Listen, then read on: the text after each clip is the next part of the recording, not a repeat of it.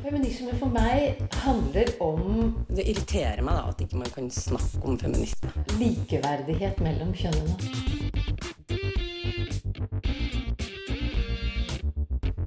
Det blikket på kvinnen på film. handlet det om å bli tatt på alvor som jente. Du hører på Et eget rom på Radio Nova. Fraværet av et nei er ikke det samme som ja. Slik lyder det fra Amnesty, som lenge har vært en av pådriverne for å innføre en såkalt samtykkelov. Men hva innebærer en slik lovendring?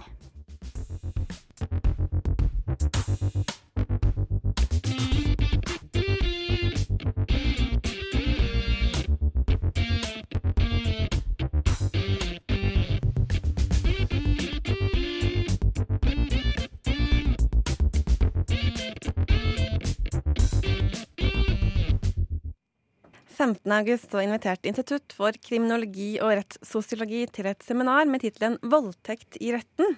Er, en ny er det en ny definisjon vi trenger?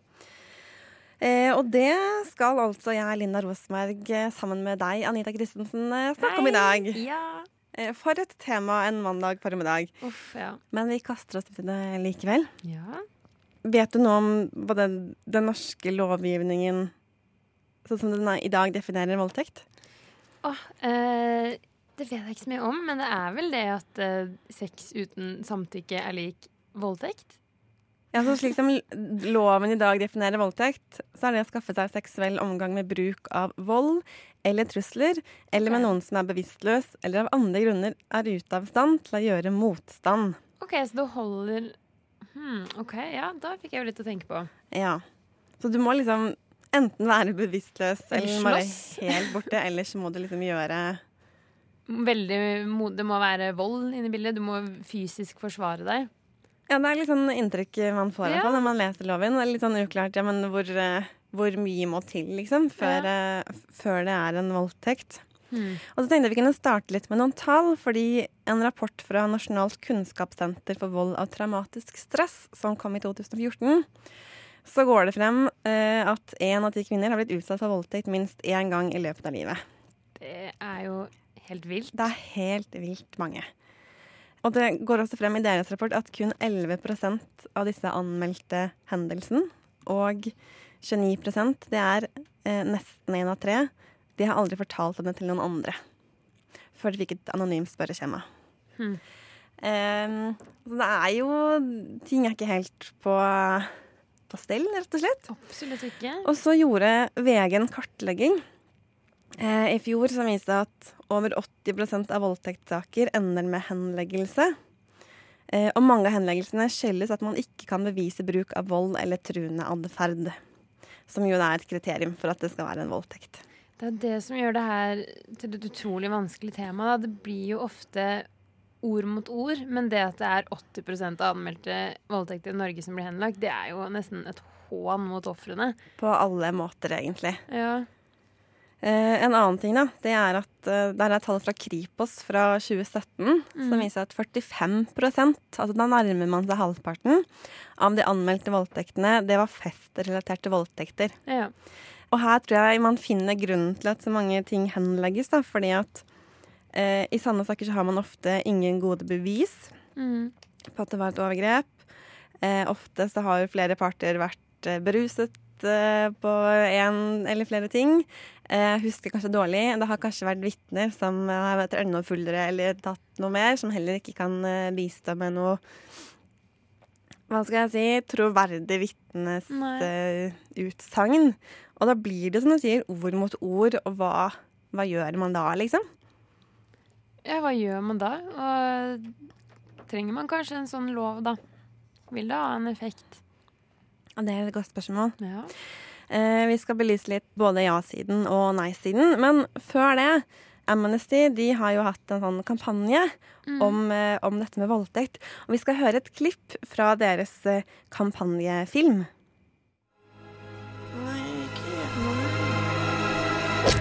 Hva faen? Hva er det du driver med? Hva er det du driver med? Altså, Det er liksom en greie, da. At uh, prinsen skal uh, prinse prinsessa, liksom.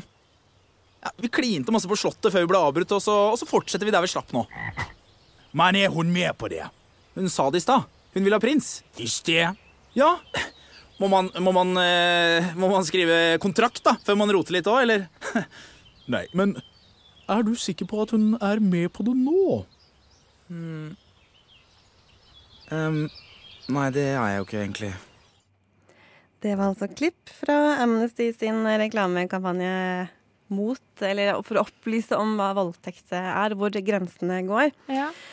Eh, Det som på en måte er hovedoverskriften i dag, det er dette med en samtykkelov.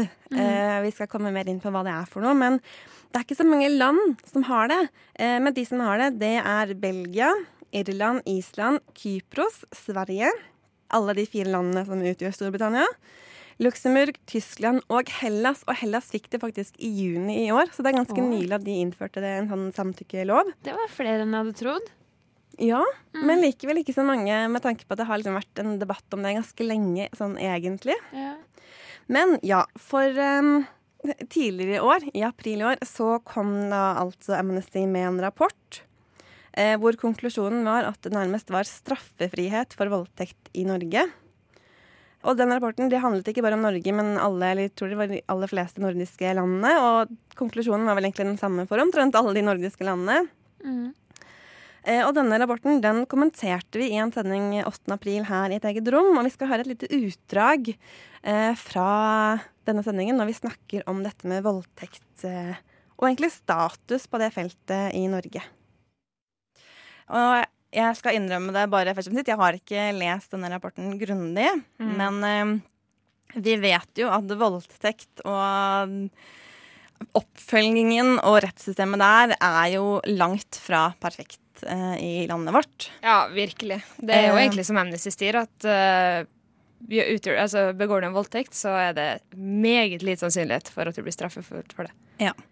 VG de har eh, gjort noen kartlegginger, og ifølge VG da, så endte kun 10 av 173 voldtektssaker i Vest politidistrikt med tiltale mellom 2016 og 2018. Altså 10 av 173. Ja. Det, det er liksom så lite. Så ble tatt, det ble tatt ut tiltale. Hvor det ble tatt ut tiltale, ja. Ja, så det er jo veldig få som i det hele tatt når retten, da. Ja. Eh, Det, det er så mange henlegginger. Eh, og de har også sett eh, på Det tror jeg er nasjonale tall for 2015 til 2017. Og da har VG funnet ut at det hver dag er tre norske personer som får beskjed om at voldtektssaken de har anmeldt, er henlagt. Ja. Altså hver dag så er det minst tre stykker. Eh, og man blir bare sånn herre åh, ah, ah, Hva sier man til sånn her? Ja, og hva Ja. gjør man? Jeg forstår ikke hva man kan gjøre Ja. med det. Eh, og siste tall da, som de har funnet ut, det er at tiltale tas ut i 14% av sakene nasjonalt. Eh, og det, jeg tror det også er eh, for årene 2015 til og med 2017. Ja, og dem som faktisk når retten, dem ender jo også da som oftest med fri, frifinnelse. Ja. Men jeg tenkte på, fordi jeg så en dokumentar om akkurat det her på NRK, jeg tror det var Brennpunkt, eh, om ei som heter Karina Kristiansen, som ble voldtatt av kom kompisen til en venn. Hun lå og sov, og mens han gjorde det, så tok han bilde av henne og filma henne. Det visste ikke hun, for hun lå jo og sov. Og på en eller annen måte så fant politiet disse bildene her og filma av henne og kontakta henne og sa Vet du at disse her eksisterer? Nei, det gjorde hun ikke. Så politiet tok ut uh, tiltale, og det ble rettssak.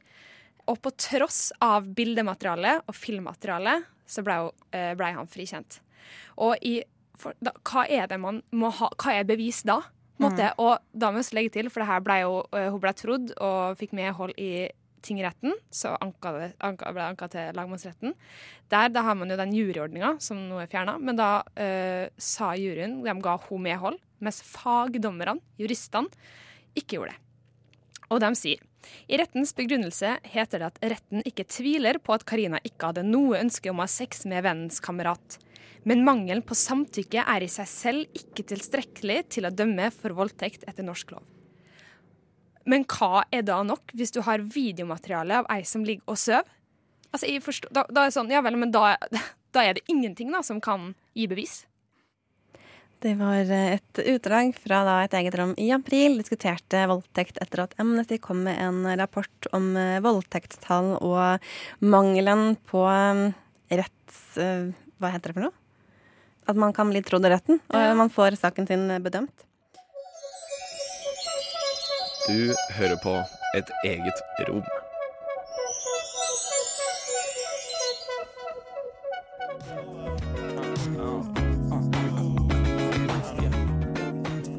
Låta var Wiggle, og artisten det var Binke her på Radionova med et eget rom. Og det er Linda og Anita som sitter her i studio. Eh, og snakker om eh, litt sånn alvorlige ting, voldtekt og dette med en samtykkelov, som altså er at eh, hvis ikke du har sagt ja, så er det eh, en voldtekt. Mm. Eh, det du skal ikke trenge å si nei. Du skal måtte si ja. Det er måtte skille. Ja. Eh, men det har skjedd en del i Norge de siste 19 årene. Som jeg tenkte vi kunne gå litt inn på. Mm Eh, og da starte i 2000. For da gjorde man en endring som gjorde at grov uaktsom voldtekt ble tatt inn i straffeloven for å styrke rettsvernet for voldtektsofre. Eh, og for å fange opp tilfeller der det kan reises tvil om at overgriperen er klar over at samleie skjer mot den andre partens vilje. Eh, og det i 2003 så var det første gang en mann ble dømt for eh, grov uaktsom voldtekt. Eh, og uaktsomt er jo det altså motsatt til et forsett, hvor du gjør noe med vilje. Mm. Eh, og så er det ulike grader av hvor uaktsom du har vært. Men det må da være en grov uaktsom eh, hendelse for at det skal kunne dømmes, eller du kan få en bot i hvert fall, da, Ja. på dette i Norge. Og så kan vi fortsette da til 2008.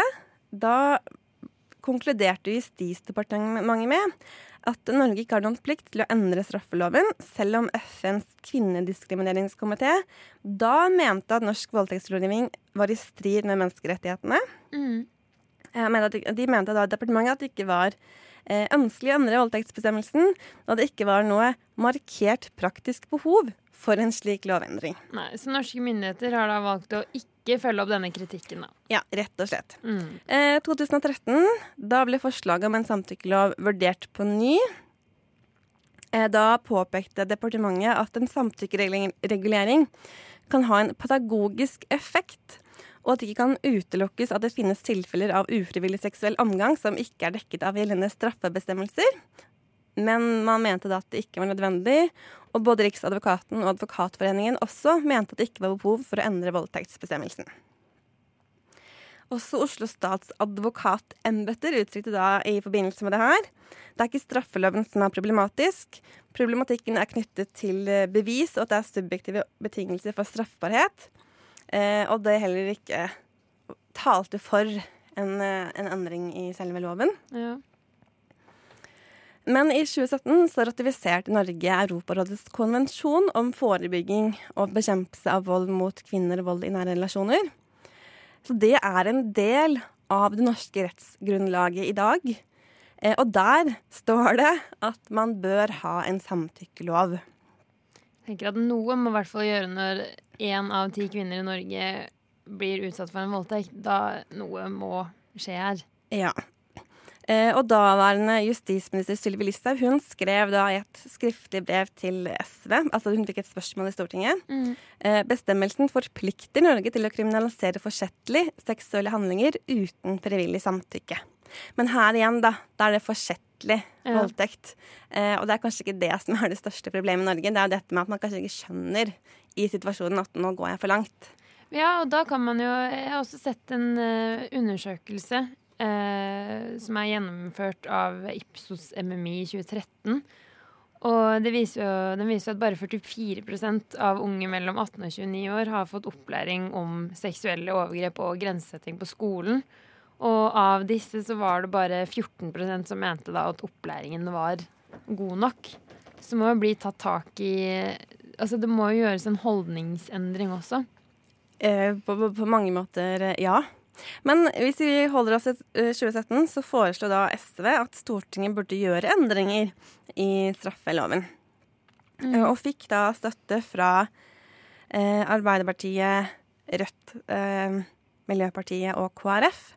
Eh, og det eh, Petter Eide i SV da uttalte til Dagbladet i flere intervjuer, det er at eh, Loven må bli tydeligere på at all sex må være frivillig, og at all sex hvor det ikke er uttrykt at det er frivillig, skal være forbudt. Helt enkelt og greit. Ja.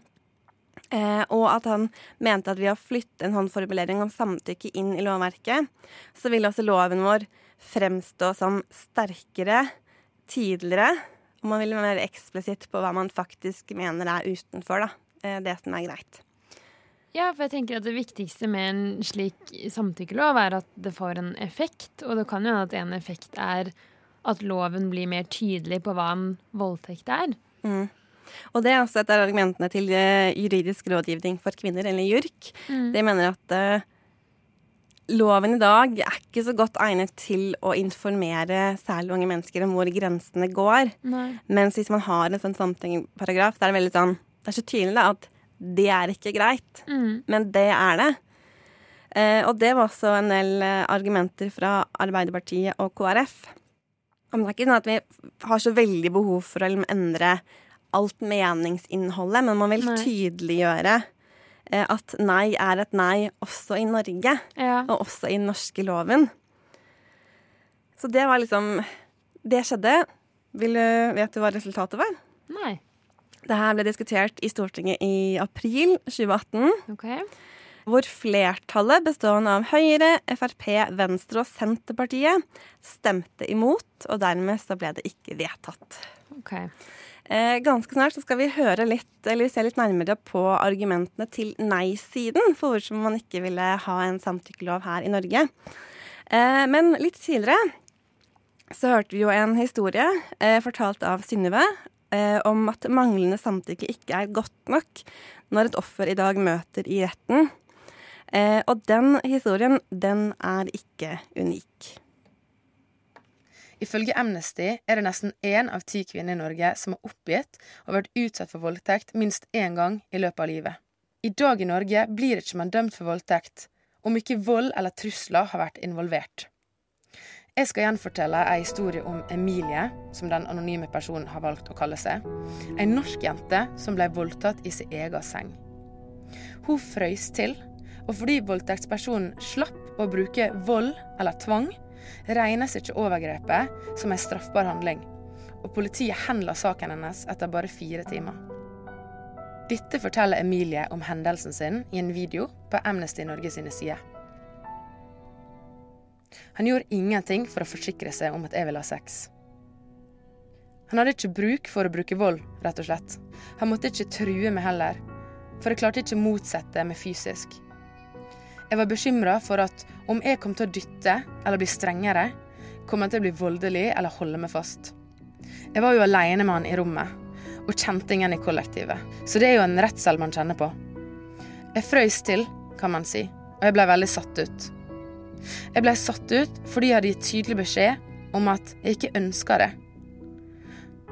Og så klarte jeg å ta motet til meg og ba han om å slutte. Og da slutta han først, i noen minutter.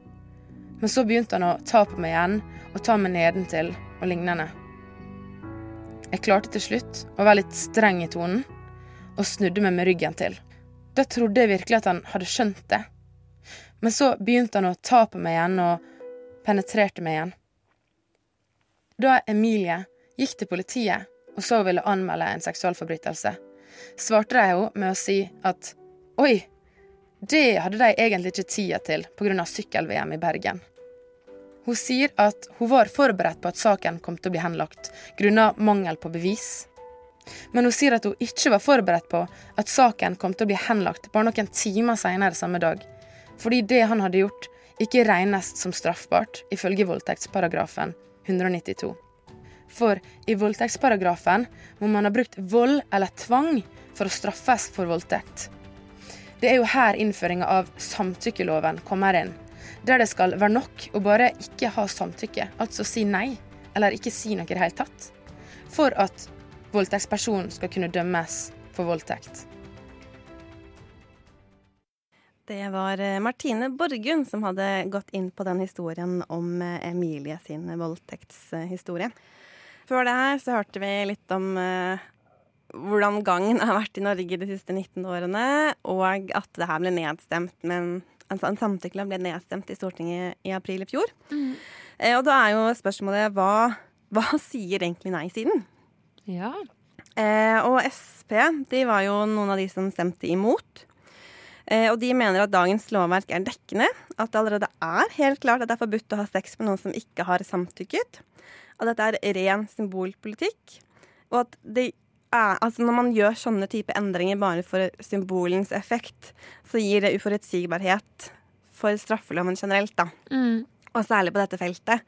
Eh, og det kan igjen slå uheldig ut. Hvordan da? Det ble ikke spesifisert i den Dagbladet-artikkelen jeg fant eh, det her i.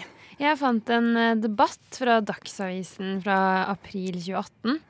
Og der var det jo en som var imot, som mente at um, den samtykkeloven vil isteden bidra til at fokuset dreier seg mot uh, fornærmedes, samtykke, da, istedenfor gjerningspersonens handling. Og at det vil bli et slags sånn stort tilbakeskritt uh, for fornærm, den fornærmede, og at eh, belastningen for å anmelde blir enda større, da. Eh, jeg kan jeg skjønne, kan jeg skjønne redselen for at hvis du må bevise Ja. at du ikke har samtykket.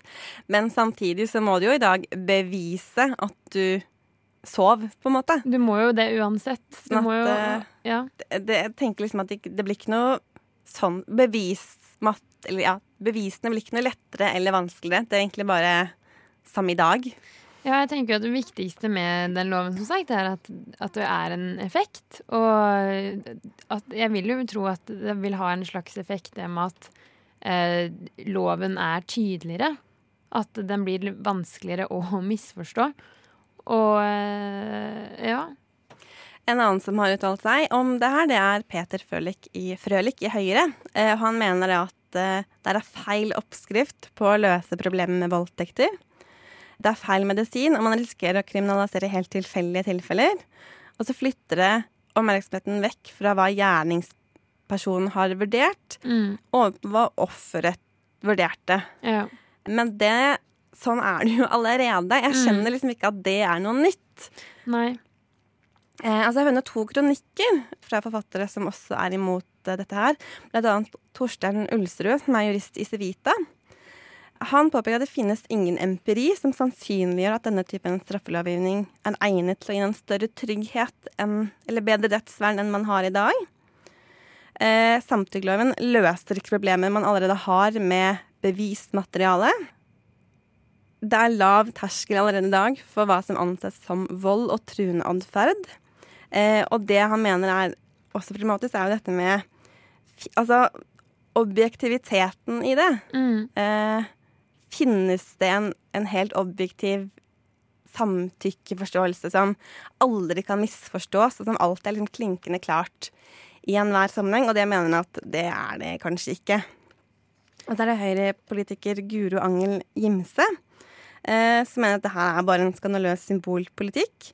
Og igjen, beviskravene vil være like vanskelige. Det siste vi trenger, er et lovverk som gjør det enda vanskeligere å bevise at det har vært en voldtekt. Eh, og det vil ikke endre på den betydelige andelen henleggelser og frifinnelser vi har i dag. Og det er der hun mener problemet ligger, da. Okay. Problemet er ikke loven, men at man ikke dømmes i utgangspunktet. Men jeg kan jo, på en måte, loven vi har nå, kan jo være litt sånn feilledende, fordi den sier jo at det må være vold, og det må være liksom trusler. Men jeg har også sett en Og da får man på en måte en slags annen oppfatning på Å, det må være sånn superalvorlig, og du ser for deg en sånn kampscene. Da, men ifølge en undersøkelse fra Ipsos MMI, så eh, ble eh, Mener at hver fjerde spurte av den undersøkelsen, da, at den, de mente at en kvinne er delvis ansvarlig for å ha blitt voldtatt dersom hun frivillig har blitt med en mann på nach. Og samme undersøkelse viser at hver tiende mann mener en kvinne er delvis ansvarlig for å ha blitt voldtatt dersom hun er kjent fra mange sexpartnere. Og jeg vil også presisere at uh, man må være klar over at menn og transpersoner også blir utsatt for voldtekt og seksuelle overgrep. Det er veldig viktig. Men sånn Og der ser vi at det er mange misforståelser, liksom. Fordi loven sier vold og trusler, og det er lett å se for Å ja, men hvis hun ikke kjemper tilbake, eller hvis hun ligger og sover, da er det cool, liksom. Men det er jo ikke det, og det er viktig å gjøre veldig, veldig tydelig. Det er en advokat som heter Rita Parnas. Hun er eh, politiadvokat i Oslo. Eh, og hun eh, har annet sagt i et VG-intervju dette med at, hva om man ombestemmer seg? Hvis det var samtykke i starten, Mm. og så ombestemmer man seg. Hvordan skal man kunne bevise det? For da vil på en måte Sånn rent tenkt, da, Mm. så vil jo kunne altså overgriperen si at ja, men det var samtykke. Ja. Og så blir da den andre siden at ja, det var det først, men så var det ikke det midt inni deg. At det blir sånn Mm. Ja, det er veldig, veldig vanskelig. Hva gjør man i sånne tilfeller? Eh, og da er det altså en advokat som heter Helge Saloman, som sier at det, det må være forutsigbart hva et samtykke er. Mm. Eh, og det er lett å tro at alle skjønner hva et samtykke er, men kanskje er det ikke så klart når man står der og er litt full og er kåt og Ja, Man tenker at- allerede er eh, Ja, ja. i gang, liksom. Ja, ja. Nå har vi sex. På en Ja. måte.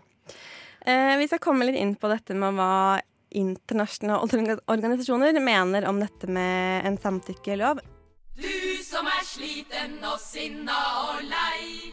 Nå vil vi synge ei vise til deg om at kvinner kan si fra, protestere og slåss. Bli med hos oss. Du hører på Et eget rom. Likestilling kommer ikke av seg selv. Eh, nå har vi snakket litt om hva norske aktører mener om en samtykkelov. Eh, for ikke å snakke om eh, flertallet på Stortinget som er imot det her. Eh, men vi må se litt utover. Og en av de organisasjonene som virkelig går i bresjen for det her, både Norge og internasjonalt, det er Amnesty. Men før vi kommer dit, så nevnte vi vel på starten, eh, og jeg tenker vi kan gjenta det en gang til, at FNs kvinnekomité, som det nå heter, har kritisert Norge for ikke å ha krav om samtykke i den norske loven, mm. eller voldtektsbestemmelsen. Eh, og det er også et krav i Europarådets konvensjon, eller den såkalte Istanbul-konvensjonen, om at man skal ha en samtykkelov. Og det her har Norge ratifisert. Og det er lett å si at ja, men da er det en del av rettsgrunnlaget, men det står fremdeles ikke i lovverket vårt. Og da er jo litt sånn Ja, men hva er argumentene for det, da? Siden de er så veldig på det her. Ja. Og eh, jeg har prøvd å se litt rundt, og det er liksom Amnesty som dukker opp overalt. Så det er egentlig der vi har landet på å liksom eh, ta for oss. Ja. Ja. Har du lyst til å starte Snakke litt om Amnesty? om Amnesty? Ja.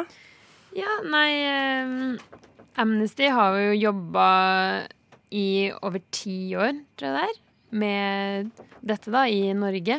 Og eh, har også veldig mye statistikk. Det har jo annet en statistikk på at nesten én av ti kvinner eh, som rapporterer eller har blitt utsatt for voldtekt, og halvparten av ofrene som er utsatt for voldtekt, er da før de er fylt 18 år. Og eh, de mener at en samtykkelov vil gi kvinner og menn som er utsatt for voldtekt, en bedre rettstrygghet, og samtidig være et viktig signal da, i, fore, i det forebyggende arbeidet mot voldtekt. Ja, fordi det er jo kanskje, kanskje ja, et av hovedargumentene deres at dette med at man har en sånn preventiv effekt, Mm. og at man tydeliggjør hvor skillet går, eller hva som er innenfor og utenfor. Og så er det jo også åpent om at et samtykke i seg selv er ikke tilstrekkelig for å få voldtektstallene ned. Nei. Men det kan være et ekstremt viktig verktøy for å opplyse særlig unge mennesker Mm. eh, om hvordan man forstår loven. Ja. Og de mener jo, når de har reist rundt på skoler, at ungdommer har problemer med å forstå dagens straffelov, og hva som skal til for å bli dømt innenfor dagens lovverk. Og da tenker jeg at det er jo et godt argument i seg selv på Ja. at kanskje noe bør gjøres, Mm. eller at noe bør skrives litt annerledes. Og så har de, ifølge Amnesty, er det ikke dokumentert at den tiltaltes rettssikkerhet er svekket i land hvor man har en samtykkelov. Eh, det er for så vidt også greit å nevne. Mm. Det er ikke sånn at du dømmes sånn helt eh, hinsides ofte bare fordi man har en samtykkelov. Nei. Det er ikke sånn det foregår. Men ja, det, de snakker om at dagens voldtektsbestemmelser fører til at opplagte tilfeller av voldtekt ikke forfølges strafferettslig. Mm. Eh, og det er jo et problem man må ta på alvor. Ja. Og da er jeg litt spent på hvorfor, eller hva de nei-siden mener er løsningen, da.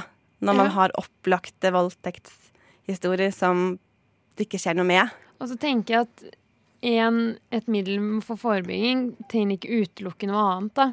Jeg er helt med på at uh, vi trenger noe mer enn kun en, kun en slags en samtykkelov. da. Vi trenger også øh, å, å lære mer i skolen, i seksualundervisning, og gjøre det tydeligere hva en voldtekt er. Og så tror jeg strengere straffer også øh, er en øh, løsning i tillegg. Altså, det må flere faktorer inn da, for, å lage, for å få til en løsning i det hele tatt. Ja, de mener jo, eller det de også sier, da, og som jeg tror alle som har hørt en to-tre voldtektshistorier som jeg tror veldig mange har hørt. Enten Mm. sånn, ja, Det er ganske mange vi har, kanskje, men alle har hørt noen historier. Ja. Og dette, det er jo at 70% av de voldtektsutsatte de fryser i situasjonen. Mm. Og da trenger man jo ikke å bruke vold Nei. for å påtvinge seg noen andre. Eh, og det tar kanskje ikke dagens lov høyde for, da. Mm.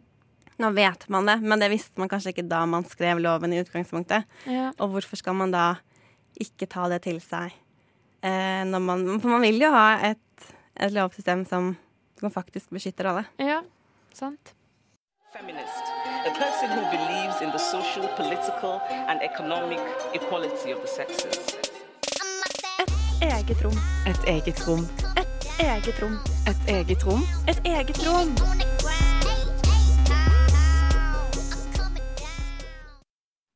Fra litt sånn, eh, en organisasjon som er veldig sånn globalt eh, fundert, til eh, våre nordiske naboer. Ja.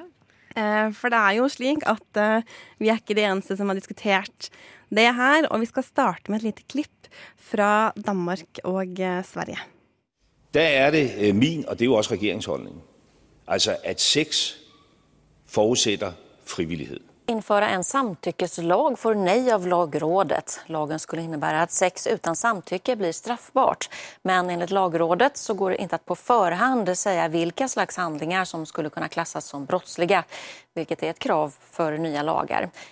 Och då om lagrådet nu hävdar att det här är inte förenligt med till exempel eh, legalitetsprincipen, eh, då det väldigt eh, arrogant att lagstifta mot lagrådets avstyrkan. Och eh, idag så presenterar vi då regeringens förslag till en ny sexualbrottslagstiftning och eh, den bygger på frivillighet.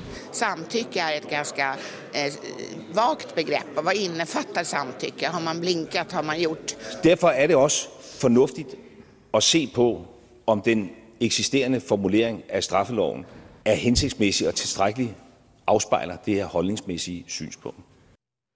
Det var så klipp fra svenske og danske medier om debattene i det i de landene. To eh, Per i dag så er det to nordiske land som har en samtykkelov. Det er Island, og så er det Sverige. Sverige innførte det her i Eller det ble vedtatt i mai 2018 med virkning fra 1. juli i 2018. Og det er mange som, eller Jeg har hørt flere ganger at nå har Sverige gjort det, og det har hatt en effekt. Men det de også gjorde, de innførte ikke bare en samtykkelov, men de innførte altså det som Norge har hatt siden 2000. At man kan bli dømt for uaktsom voldtekt og uaktsomt seksuelt overgrep. Ja. Og I tillegg så ble politiet da lovet eh, to milliarder svenske kroner ekstra inn mot deres arbeid mot seksuelle overgrep. Mm. Eh, og jeg tror både at man har fått prioritert mer penger til politiets arbeid mot det her, Mm. og at man har fått til dette med en uaktsom voldtekt.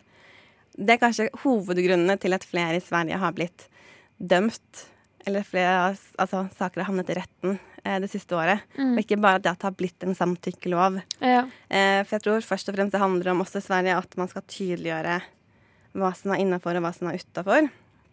Og det var også statsminister Stefan Löfven veldig tidlig på, at det er et verktøy for å endre holdninger. Eh, og for at alle skal forstå at sex er frivillig, ellers er det ulovlig. Mm. Men det som er interessant, det er jo at både JURK og Amnesty i Norge de har uttalt at hvis man har en samtykkelov, så skjønner man hvor grensa går. Ja.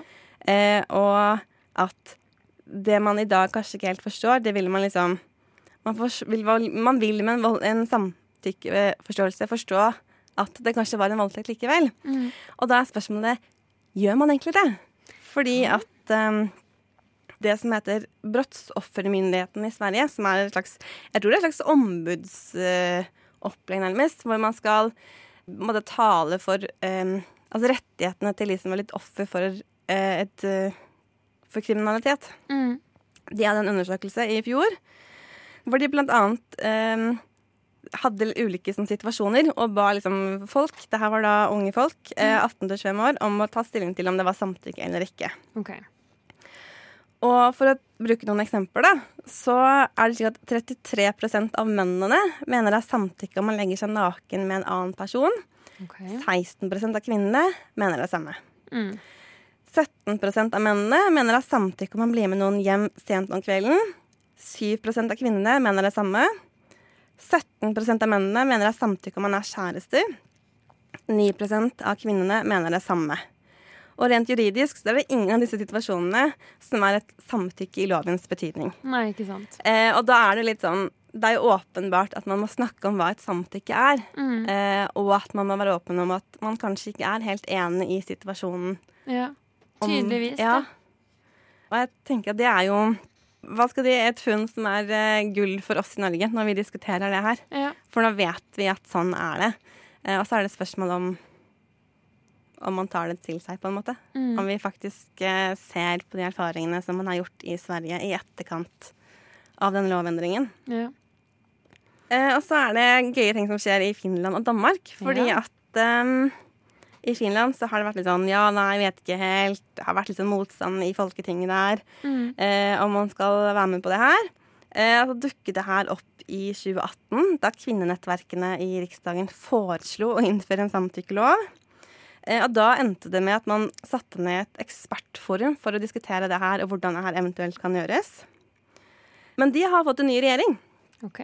De er enige om at en samtykkelov skal innføres, slik at eh, mest sannsynlig så vil de få en samtykkelov i løpet av de neste årene. Ja. Eh, det samme har skjedd i Danmark, hvor man endte med å si nei til et samtykkelov eh, i 2017. Mm. Men tidligere i år så måtte de innrømme regjeringen at jo da, de var jo for så vidt litt på glid likevel. Og da sendte man det her til et straffelovråd, som jeg tror er liksom de som kommer med forslag til hvordan man kan skrive lovendringer. Ja. Eh, og de skal komme med sitt forslag nå i løpet av høsten. Jeg tror ikke de har gjort det foreløpig. Slik at man skal kunne ta stilling til forslaget i Folketinget.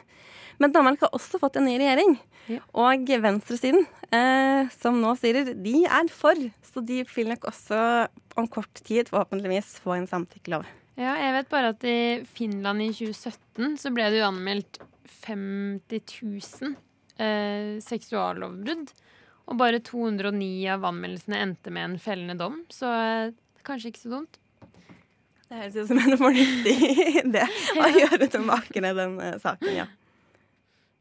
Can I begin?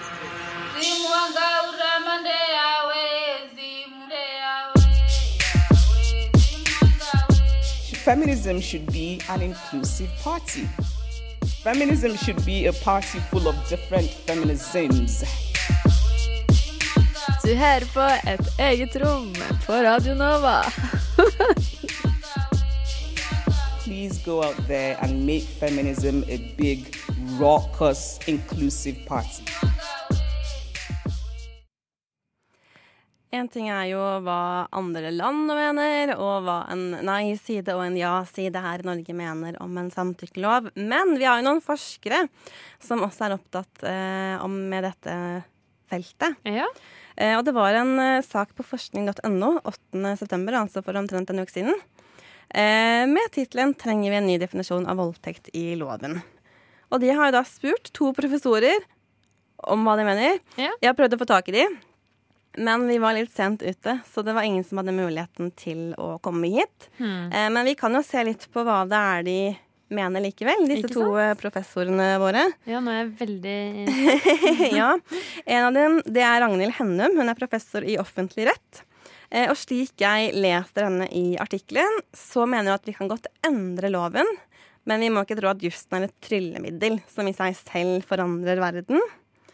Og så er hun ikke sånn veldig imot en samtykkeparagraf, som det er det da debatten handler om, men at en dy, ny definisjon vil kanskje ikke endre på så mye, og det er andre tiltak som er viktigere, kanskje, da. Og så okay. går hun ikke mer inn på hva det er. Mm. Men eh, vi kan jo høre et lite sitat som vi har fått Andrea i redaksjonen vår til å lese inn. Vi er alle enige i målet. Dette er uønskede handlinger som vi ikke vil at skal forekomme. Så er det ulikt om vi tror at jussen er det beste virkemidlet for å endre folks atferd. De som argumenterer for en lovendring, sier at det skal sende signal. Det kan jeg være enig i at loven bør gjøre. Men er en bestemmelse i straffeloven virkelig den beste måten å sende et signal til ungdommer? Jeg har ingen tro på at en samtykkeparagraf vil føre til at flere blir dømt. Bevisproblemene vil være de samme selv om man endrer loven. Så dette løser ikke grunnleggende problemer. Men bedre samsvar i lovgivningen og muligheten til å forklare folk hva som er lov og ikke lov, er viktig. Det var det Ragnhild Hennum uttalte seg om i denne saken til forskning.no. Hennes, eller Det hun ser på som det beste argumentet, da, eh, hvis vi skal ha en samtykkelov i Norge, da peker hun på Jurks argument om at det er vanskelig å kommunisere dagens lovgivning om voldtekt til unge folk. Mm. Eh, og hun mener at hvis det er liksom virkeligheten, så er det liksom et argument i seg selv på at man kanskje bør ha en samtykkelov. Ja. Hvis det gjør at folk lettere forstår hva som faktisk er loven, eller hva som er innafor og ikke. Mm. Eh, og så er det en annen som er eh, intervjuet. Det er professor Mailen Skilbreis, som er kriminolog, kriminolog og, og sosiolog. Eh, og hun peker blant annet på at dette med seksuallovgivning det er noe som endrer seg hele tiden, og det har vi sett gjennom hele 1900-tallet og frem til i dag. Eh, og det handler litt om hvordan vi ser på seksualitet, og hvor grensen går mellom det som er privat og offentlig. Eh, og så peker hun på at vi har veldig ofte høye forventninger til loven og hva den skal løse. Ja, ja, eh, og ja. at det ofte er litt sånn mismatch mellom våre følelser og loven, som er veldig teknisk. Mm, Og mm. derfor så blir man veldig ofte skuffa når man tenker at ja, men jeg har det dritt fordi jeg blir tatt for et overgrep, og så funker det ikke så lett i retten, da. Ja, det blir veldig av- sånn Men loven sier at uh, Ja. ja. Eh, sånn at den er veldig teknisk, og da kan altså da tror jeg hun snakker veldig sånn generelt. Ja. Må, vi kan ikke forvente at loven skal liksom løse opp følelser og tanker som Nei. vi går og bærer på. Ja. Um, og så peker den på at det her har vi diskutert i 40 år. Hva er en voldtekt, og hvor går grensene? Mm. Uh, så jeg tror hun ser på det som at vi må ikke tenke at det her er noe nytt, bare fordi Amnesty har diskutert det her i ti år. Det er jo helt, helt, helt vilt vanskelig eh, dilemma eller tema å ta for seg, fordi det er så mye gråsoner, og det kan være så utydelig, og man kan ha forskjellige oppfatninger. Det er, det er kjempevanskelig. Det er veldig vanskelig. Eh, men det som eh, jeg syns er veldig bra at hun sier, da, det er jo at hun er veldig klar på at det loven sier, eh, det har også å gjøre med hvordan vi for, som samfunn da, forstår sex, og ikke minst krenkende sex. Mm. Så hun også er helt på bølge med blant annet hun Hennum-professoren og JURK og egentlig Amnesty om at hvis det tydeliggjør noe, Ja. så er det et poeng i seg selv. Mm. Men vi kan høre et lite sitat eh, fra Skilberg også, eh, hentet fra denne artikkelen. Vil en ny måte å definere voldtekt på endre måten politiet jobber? Hvordan dommere dømmer? Antageligvis ikke. Det er veldig mange andre ting man kan gripe fatt i enn straffeloven. Det er ikke uvanlig at når man først begynner å diskutere lovendring, så blir det den store løsningen. I stedet for at vi snakker om alle de andre mulighetene vi har til å forebygge. Eh, jeg vet ikke helt om eh, Jeg tenker at det er så veldig feil at man starter med straffeloven. Mm. Eh, og så tror jeg alle er enige om at vi må gjøre mer enn det. Men hvorfor skal det begrense oss? At det finnes andre muligheter for å få ned voldtektstallene? Ja. Det, eller det er min veldig personlige mening. um, vi skal ha en liten oppsummering. Eh, og så skal vi få en liten fem på gata. Fordi det er jo spørsmål hva er det folk mener eh, om en slik samtykkelov? Norge har fått kritikk fra FNs kvinnekomité og Amnesty International fordi voldtektsbestemmelsen i straffeloven ikke er i overensstemmelse med internasjonal rett. Amnesty mener at det nesten er straffefrihet for voldtekt i Norge, og at en tydeligere lovgivning vil gi økt rettssikkerhet for offeret. I fjor fremma SV et forslag på Stortinget om å innføre en samtykkelov, der voldtekt tydelig defineres som all sex uten samtykke.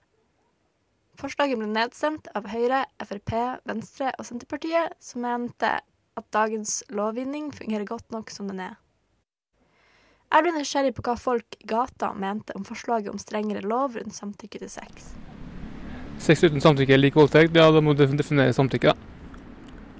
Det er veldig viktig i denne saken her, tenker jeg da. Men det er helt klart, jeg syns det skal være samtykke, men det må jo være anerkjent hva det gjelder. Ja, kanskje at det må være eh, muntlig. Det må være konstatert ja eller nei, da.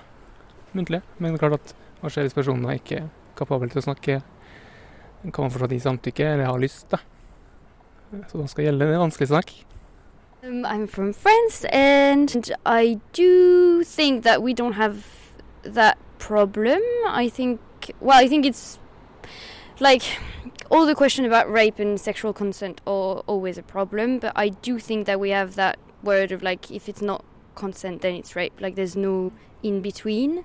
Um, but it's still really, really hard for victims to be heard and and we're always talking about the victims and we're not talking about the rapists. What do I think would help? I think I think should things should be changed in like the way they treat victims in like police station because I think people might be scared of going there and feeling judged and everything. Nei, hvorfor ikke? Endre det, altså. Du kan jo gjerne endre det. Du blir jo eh, straffa for å ha gjort det, så hvorfor kan det ikke stå det? Ja, det kan jo kanskje bidra til at den gråsona forsvinner, da. Man eh, ender opp i veldig mange rettssaker der det er ord mot ord og Ja, det er kjipt for begge parter. Eller mest for den ene. Så kan man kanskje unngå at det ender opp i en sånn gråsonesak. Den største fordelen kan jo kanskje også komme akkurat i selve situasjonen der man har sex. Da, at det kan komme tydelig, veldig tydelig fram at når man sier nei, så er det nei. How about Greece? it's not an easy subject, um, both privately, I assume, and openly, um, how to um, either talk talk about it openly, you personally or other people around you, in the police station, in the news, you know, journalists or anything else.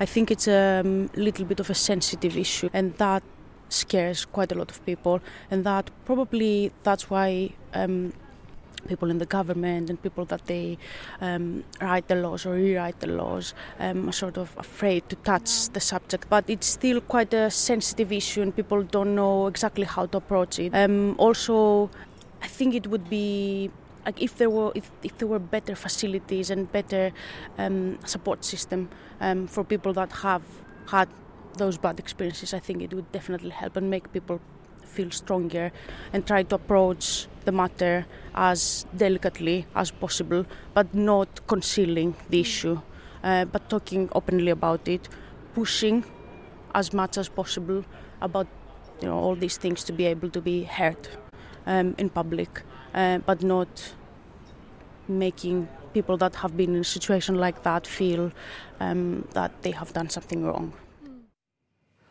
Reporter her, det var Katrine Oppheim. Så er det spørsmål hva er det Twitter-folk mener. Oi, oi, oi. Eh, det tror jeg ikke vi rekker, dessverre. Men eh, hvis du som hører på ønsker litt bonusspor, så kan vi ta det etter at vi har gått av lufta, Anita. Ja. Jeg har funnet eh, seks meninger på Twitter, både litt sånn for og imot. Det kan vi jo kose oss litt med når klokka har bikket elleve. Ja, jeg ble supernysgjerrig nå. ja, ikke sant?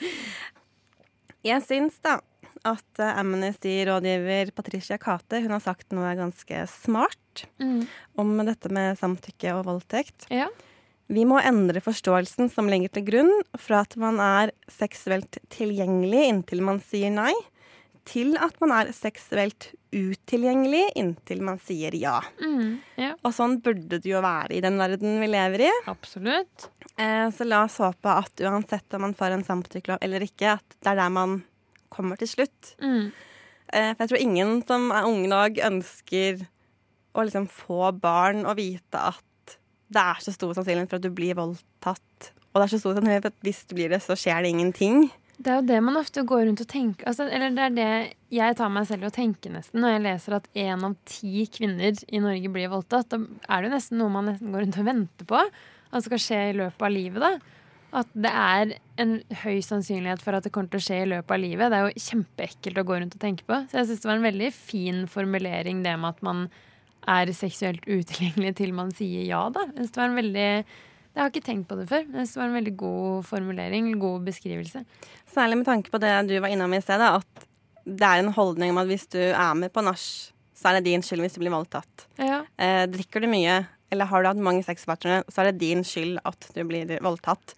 Det er jo aldri din skyld at noen andre bryter dine Å, grenser. herregud. Nei, nei, nei. nei. Eh, så ja, jeg tror det kan være en sunn måte å Eller ja, å formulere ut i verden, da. Mm. Ingen er fritt vilt. Og er det kleint å spørre, så er det jo enda kleinere å eventuelt gå for langt, da. Uff, ja.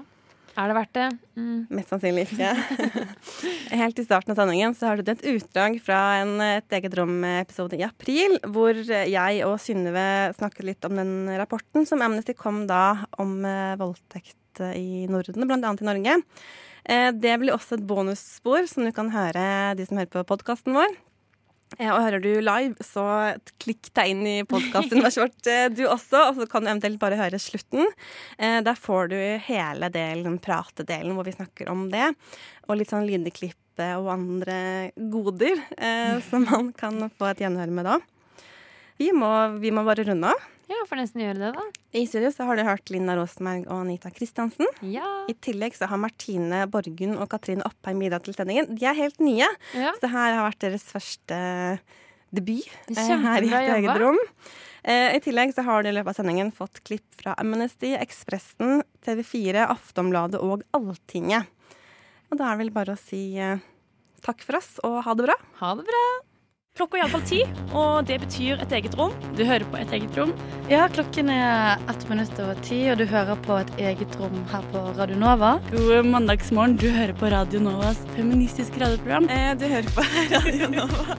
Eh, et eget rom. Og så eh, Litt Twitter. Vi kan ta litt om Twitter. Jeg ble så nysgjerrig. Twitter er jo en jungel. Ja, mildt sagt. Det er Eh, en jungel, Og det altså. er litt sånn eh, fint utplukket eh, ja. Det er ikke helt tilfeldig utvalg, da. Nei. Men det er ei som heter Elisabeth, som i mars 2018 eh, tvitret to ganger om det her. Først eh, da tagget hun Elise Tønne og Sigrid Bonde Tusvik. For de hadde snakket om det her i deres podkast. Mm. Og skriver at hun ble litt irritert da hun hørte det her. Ok. Jeg tror den vil gjøre det vanskelige å være offer, fordi de må bevise enda mer enn i dag. Hva tenker dere om det? Og jeg vet ikke helt om jeg er enig i henne, at det blir vanskeligere. Det er vanskelig nok i dag, og jeg tror ikke det er den store forskjellen. Jeg tror ikke en samtykkelov i seg selv gjør det vanskeligere. Nei. Nei. Men det er vanskelig å vite. Og så, ganske kort etterpå, så tvitret hun igjen om at hun hadde valgt å ikke signere dette oppropet til Amnesty om en samtykkelov, fordi jeg ikke tror det er løsningen på problemet.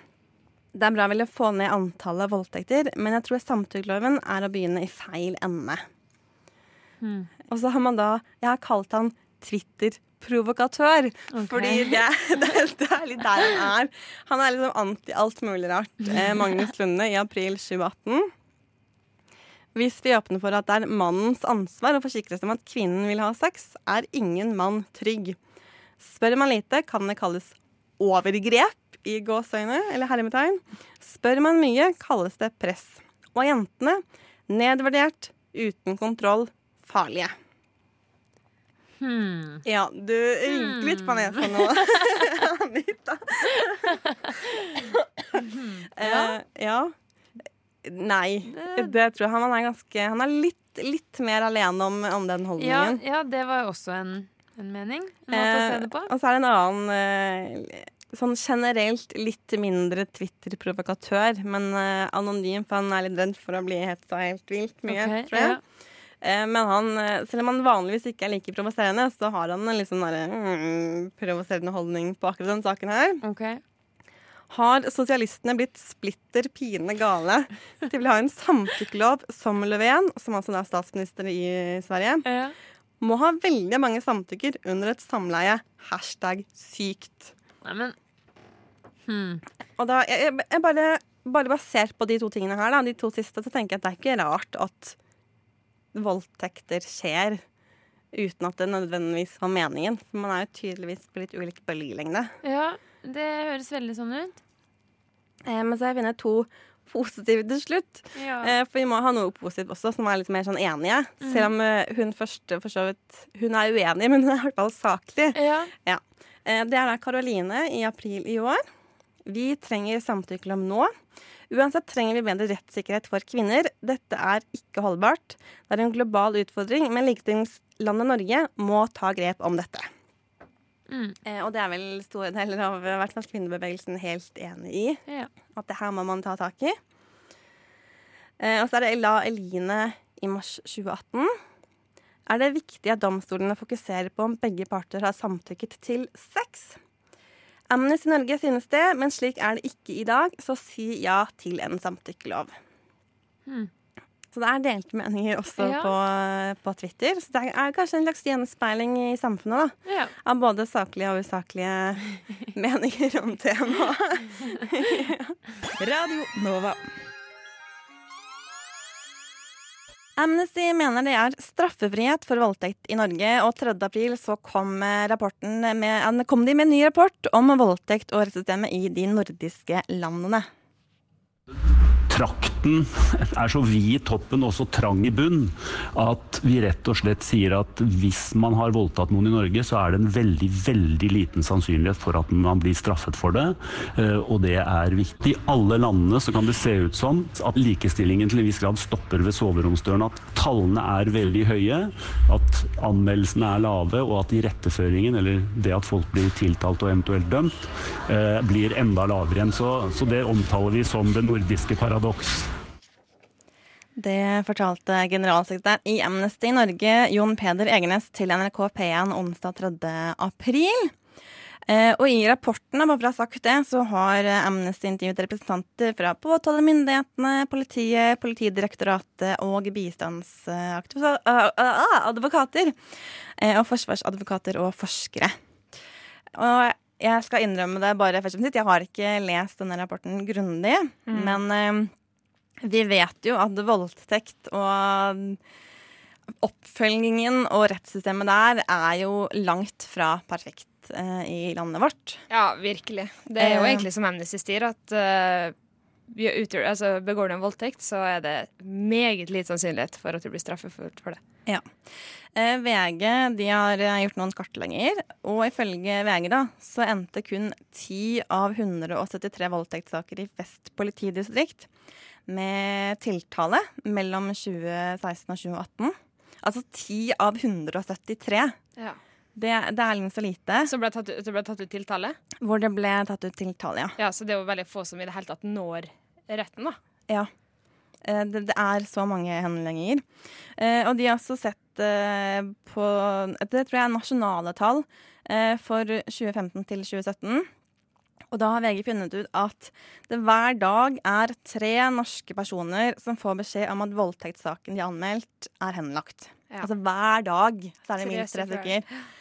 Eh, og man blir bare sånn herre åh, ah, ah, Hva sier man til sånn her? Ja, og hva Ja. gjør man? De forstår ikke hva man kan gjøre Ja. med det. Eh, og siste tall da, som de har funnet ut, det er at tiltale tas ut i 14% av sakene nasjonalt. Eh, og det, jeg tror det også er eh, for årene 2015 til og med 2017. Ja, og dem som faktisk når retten, dem ender jo også da som oftest med fri, frifinnelse. Ja. Men jeg tenkte på, fordi jeg så en dokumentar om akkurat det her på NRK, jeg tror det var Brennpunkt, eh, om jeg heter Karina Kristiansen, som ble voldtatt av komp kompisen til en venn. Um, hun lå og sov, og mens han gjorde det, så tok han bilde av henne og filma henne. Det visste ikke hun, for hun lå jo og sov. Og på en eller annen måte så fant politiet disse bildene her og filmene av henne og kontakta henne og sa Veit du at disse her eksisterer? Nei, det gjorde hun ikke. Så politiet tok ut eh, tiltale, og det ble rettssak. Og på tross av bildematerialet og filmmaterialet så ble, hun, eh, ble han frikjent. Og i, for, da, hva er det man må ha Hva er bevis da? En Og da må jeg legge til, for det her ble jo, eh, hun ble trodd og fikk medhold i tingretten, så anka det, anka, ble det anka til lagmannsretten. Der da har man jo den juryordninga som nå er fjerna, men da eh, sa juryen De ga hun medhold, mens fagdommerne, juristene, ikke gjorde det. Og de sier i rettens begrunnelse heter det at retten ikke tviler på at Karina ikke hadde noe ønske om å ha sex med vennens kamerat. Men mangelen på samtykke er i seg selv ikke tilstrekkelig til å dømme for voldtekt etter norsk lov. Men hva er da nok hvis du har videomateriale av ei som ligger og sover? Altså, forstår, da, da er sånn, ja vel, men da, da er det ingenting da som kan gi bevis. Nei, det er helt uh, vilt. Altså Deler av denne rapporten da, til Amnesty den, uh, på det som gjelder Danmark, uh, det ble sluppet litt tidligere i år, i mars. Og da ble det jo laget noen saker i Danmark, blant annet så var Aftenposten på plass. og det man har funnet ut når det gjelder Danmark, da, det er at det reises nesten bare tiltale i saker hvor man kan bevise at det har vært vold inne i bildet.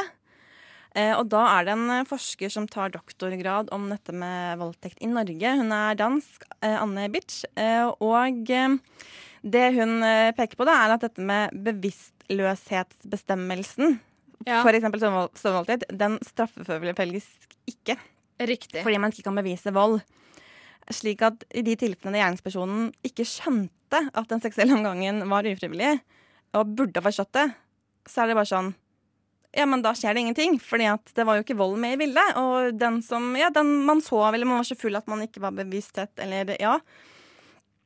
Eh, og eh, det svenske programmet Oppdrag granskning eh, på SVT, de har også sett litt på voldtekt. Det var før denne rapporten til Amnesty. Hvor 40 av sakene i Karlskrona, som jeg tror er et politidistrikt, mellom 2018, nei, 2016 og 2018, ble henlagt uten at den mistenkte voldtektsmannen en gang ble avhørt. Ja. Altså man bare henla saken før man hadde snakket med den andre parten. Bare lese et sammendrag og la det fra seg, liksom. Og hvordan skal man da nå rettssystemet hvis, uh, hvis man ikke engang snakker med liksom begge parter i saken. Ja, Men Amnesty har vel også tatt til orde for en såkalt samtykkelov? Ja. Jeg har ikke helt, for det første har jeg ikke helt forstått hva det innebærer, og så har jeg heller ikke forstått hvordan det kan endre praksis. Nei, og nettopp det er grunnen til at noen også er imot det. Og det hun Anne Bitch er litt redd for, da, hvis man innfører en sånn eh, samtykkelov, det er at man setter enda mer fokus på, på offeret. Fordi en samtykkelov innebærer at det er nok å si nei? Ja. ja. Og da skal man uh, kunne anmelde for voldtekt. Men da har man jo akkurat samme problem, og hvordan skal man kunne bevise at Hvordan skal man kunne bevise det, og da er man redd for det, eller noen at uh, man, Altså, alt bevismateriale blir så veldig lagt på offeret. Og så glemmer man kanskje at noen ganger så er man i tilfeller hvor man, hvor man fryser, da og ikke klarer å si eller gjøre noen ting. Mm. Og så kan man si men hun sa ikke nei, så derfor så er jo ikke det her voldtekt. Og så Ja. bare jo, du burde jo definitivt ha skjønt på hennes kroppsspråk at det her ikke var greit. Ja. Og også det med at da ser jeg for meg at hun i avhør og i retten blir stilt enda flere spørsmål, og Ja. enda kanskje mer ubehagelige Men, men tanken, fordi Sverige har gjort det her, og jeg tror deres tanke er noe med å liksom bevisstgjøre folk om at du må faktisk spørre først, og ikke tenke at hvis du ikke sier nei, så er det greit. Ja, ikke sant? Eh, og så er det spørsmål om, eh, om det hjelper sånn rent praksis eh, eller ikke. Men eh, for å hoppe litt eh, videre. Regjeringen kommer i slutten av mars med en handlingsplan eh, mot voldtekt, eh, som inneholder fem satsingsområder. Og daværende fungerende justisminister Jon Georg Dale han ble da intervjuet av en utsending fra NRK P1. Det er fortsatt en negativ utvikling på voldtekt. Vi ser jo heldigvis at flere anmelder voldtektene, men vi vet at uh, også der er mørketall på det. Det kreves et målretta arbeid for å hindre flere voldtekter. Derfor er forebyggingsarbeidet så viktig og så sentralt i denne planen. Men det kreves også at alle de som har vært utsatt for denne type grove kriminelle handlinger, som det tross alt er, blir møtt enten i helsevesenet eller det i møte med politiet på en måte som uh, gjør at en uh, kommer raskt inn, får den hjelpa en trenger, og opplever å bli tatt uh, på alvor. Det her ble da altså sagt til NRK P1s nyhetsettermiddag, og det var 25. mars i år da denne handlingsplanen kom. Og eh, nå må vi hoppe litt fort videre, men jeg vil si noen punkter, da. Eh, hovedpunkter fra denne mm, planen. Man skal ha mer forebygging tilpasset ulike aldersgrupper, og det her skal overgrep skal inn på inn de nye læreplanene og inn i skolen i større grad enn det er i dag. Veldig bra. Eh, konsekvensen av å bli politianmeldt for voldtekt skal tydeliggjøres. Mhm. Hjelpetiltakene skal bli bedre eh, når man har opplevd en voldtekt. Kommunene skal få mer og bedre kunnskap om hva voldtekt er, og hvordan effekten av voldtekt eh, påvirker oss som mennesker. Og gjerningspersonene, spesielt når det er snakk om unge mennesker, skal følges opp bedre. Og så er det mange fra kvinnebevegelsen og bl.a. Krisesentersekretariatet som er litt sånn Ja. Ja, Blir det ja. litt store ord her, bare? liksom? Ja, eller så er det de som mangler det. Og det Krisesentersekretariatet har be eh, bemerket, det er at eh, voldtekt i nære relasjoner må i større grad opp på den politiske agendaen enn det Ja. den har eh, i denne rapporten her. Og de peker på at voldtekt i en nær relasjon, altså det utgjør fire av ti voldtekter. Altså når det er kvinner da, som blir voldtatt, fire av ti blir voldtatt av ekspartner eller nåværende parter. Mm. Eh, og det, det er litt fraværende i denne rapporten. Ja, veldig. Ja. Og jeg tenkte også på bare kjapt at um, det har jo også vært et problem, i hvert fall når en voldtektssak kommer opp for retten, så har det vært pekt på at juryordninga uh, har ødelagt litt for utfallet fordi de overkjører fagdommerne. Uh, og kanskje, De har jo ikke den samme måte, juridiske bakgrunnen og forståelsen, men nå har jo den siste rettssaken med juryordninga gått, så det kan jo hende at fjerninga av det gjør at litt flere rettssaker ender med at uh, gjerningsmannen blir dom, ja, dømt. da. Ja. Altså, det er jo ikke bare negativt det regjeringen vil. Eh, det er jo mange ting i den som er bra, eh, og som gjør at man forhåpentligvis skal liksom snakke mer om det. Og folk som trenger kunnskap for å hjelpe folk, får den kunnskapen de trenger, så de kan hjelpe folk. Mm. Eh, det er bare at den har noen hull og mangler. Ja.